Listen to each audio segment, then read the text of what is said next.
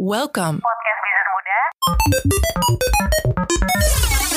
Buat kalian yang udah jadi investor saham di tahun 2020 kemarin, udah dapet cuan belum dari perusahaan yang bagiin dividen? Kayaknya kalau dapat dividen bakal jadi pada diem-diem nih, sambil nikmatin hasilnya, ya kan? Aku juga gitu sih. Tapi di antara kalian udah ada tahu belum dividen itu apa? Oke, jadi apa sih itu dividen? Dividen itu merupakan bentuk pembagian keuntungan atau laba kepada para pemegang saham dalam satu periode tertentu. Simpelnya nih, dividen itu adalah hadiah yang diberikan perusahaan terbuka kepada para pemegang saham mereka. Dan sumbernya itu berasal dari laba bersih perusahaan. Untuk pembagian dividen itu sendiri ditetapkan melalui RUPS alias Rapat Umum Pemegang Saham dengan Persetujuan Direksi. Terus jumlahnya berapa ya? Nah, jumlahnya itu sesuai dengan nilai dividen yang dibagikan dan jumlah saham yang dimiliki oleh investor. Umumnya dividen dibagikan oleh perusahaan ke para pemegang saham itu setahun sekali. Ada juga nih yang namanya dividen interim. Dividen jenis ini adalah dividen sementara dari laba bersih yang dibayar kepada pemegang saham sebelum pembagian laba tahunan perusahaan dan ditetapkan juga dalam RUPS. Tapi ada juga loh perusahaan terbuka yang nggak bagiin dividen. Hal ini dikarenakan laba ditahan. Selain itu, perusahaan juga nggak bakal bagiin dividen jika di akhir periode malah rugi. Terus apa sih indikator yang perlu dilihat investor? Gini nih Bemers, ada tiga indikator penting. Yang pertama, laba bersih perusahaan. Kalau perusahaan itu laba, harusnya punya potensi besar buat bagiin dividen. Tapi balik lagi nih, keputusan itu harus sesuai dengan hasil RUPS dan kebijakan perusahaan juga ya. Perusahaan yang laba tapi nggak bagi dividen, bisa jadi mereka ingin gunain labanya untuk modal ekspansi di tahun selanjutnya. Jadi kinerja keuangan di masa depan bisa jauh lebih baik hingga nantinya memutuskan bagi dividen ke para pemegang sahamnya. Yang kedua, dividen payout ratio atau DPR. Rasio keuangan yang digunakan untuk mengukur persentase laba bersih yang dibagikan ke pemegang saham dalam bentuk dividen untuk periode tertentu. Jadi dividen payout ratio ini akan gambarin seroyal apa sih saham itu bagi dividen dari total laba bersihnya.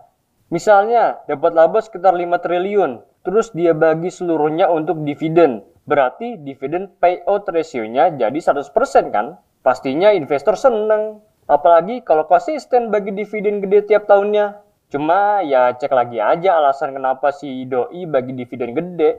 Ada loh emiten yang DPR-nya di atas 100% gara-gara industrinya lagi kurang bagus untuk ekspansi, tapi doi masih cuan. Ayo tebak, saham apa tuh? Yang ketiga, jumlah saham yang beredar atau dividen yield.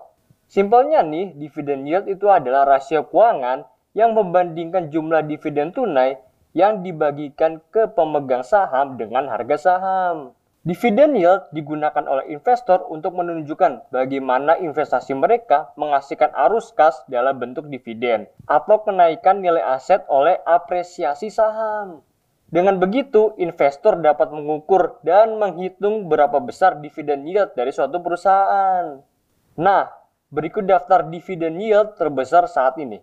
Yang pertama, MFMI alias Multifilling Mitra Indonesia dividen yield MFMI senilai 30,33 persen. 2. DMAS alias Putra Delta Lestari. Dividen yield DMAS ini sebesar 19,66 persen. Yang ketiga, MPMX alias Mitra Pinastika Mustika. Nilai dividen yield MPMX ini senilai 17,14 persen. Yang keempat, Hexa alias Hexindo Adi Perkasa dividen yield Hexa sebesar 15,97%. persen. Dan yang kelima, MBAP alias Mitra Bara Adi Perdana. Dividen yield dari MBAP ini senilai 14,89%. persen. Oh ya Bemers, itu tadi tiga indikator dividen. Cuma ya kamu nggak bisa nentuin pilih saham hanya dari tiga indikator tersebut.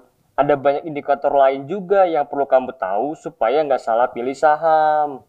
Terus nih BMers, setiap aksi korporasi seperti pembagian dividen, ada yang namanya cum-det dan ex-det. BMers tahu nggak apa itu cum-det dan ex-det? Kalau cum-det adalah tanggal terakhir bagi investor untuk membeli saham tertentu dan berhak mendapatkan dividen perusahaan yang telah ditentukan. Nah, kalau ex-det, hari pertama pemegang saham tidak berhak lagi mendapatkan dividen dari suatu perusahaan. Misalnya nih, saham XYZ mengumumkan bagikan dividen sebesar Rp100 per saham. Pembayaran dividennya jatuh pada tanggal 15 Januari 2021. Cumdet dijadwalkan 27 Desember 2020 dan ex-date dividen jatuh pada tanggal 31 Desember 2020.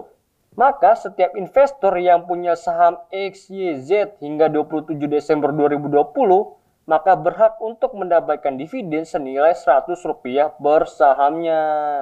Sementara jika ada investor baru memegang saham di tanggal 30 Desember 2020, maka dia tidak berhak lagi mendapatkan dividen tersebut. Nah, Bemers itu tadi nih penjelasan soal dividen dan saham-saham yang bagi dividen terbesar di tahun 2020 kemarin. Oke Bemers, sampai jumpa di video selanjutnya ya. Gue Don Juan pamit. Bye. Podcast Bisnis Muda. Thank you very much. Thank you.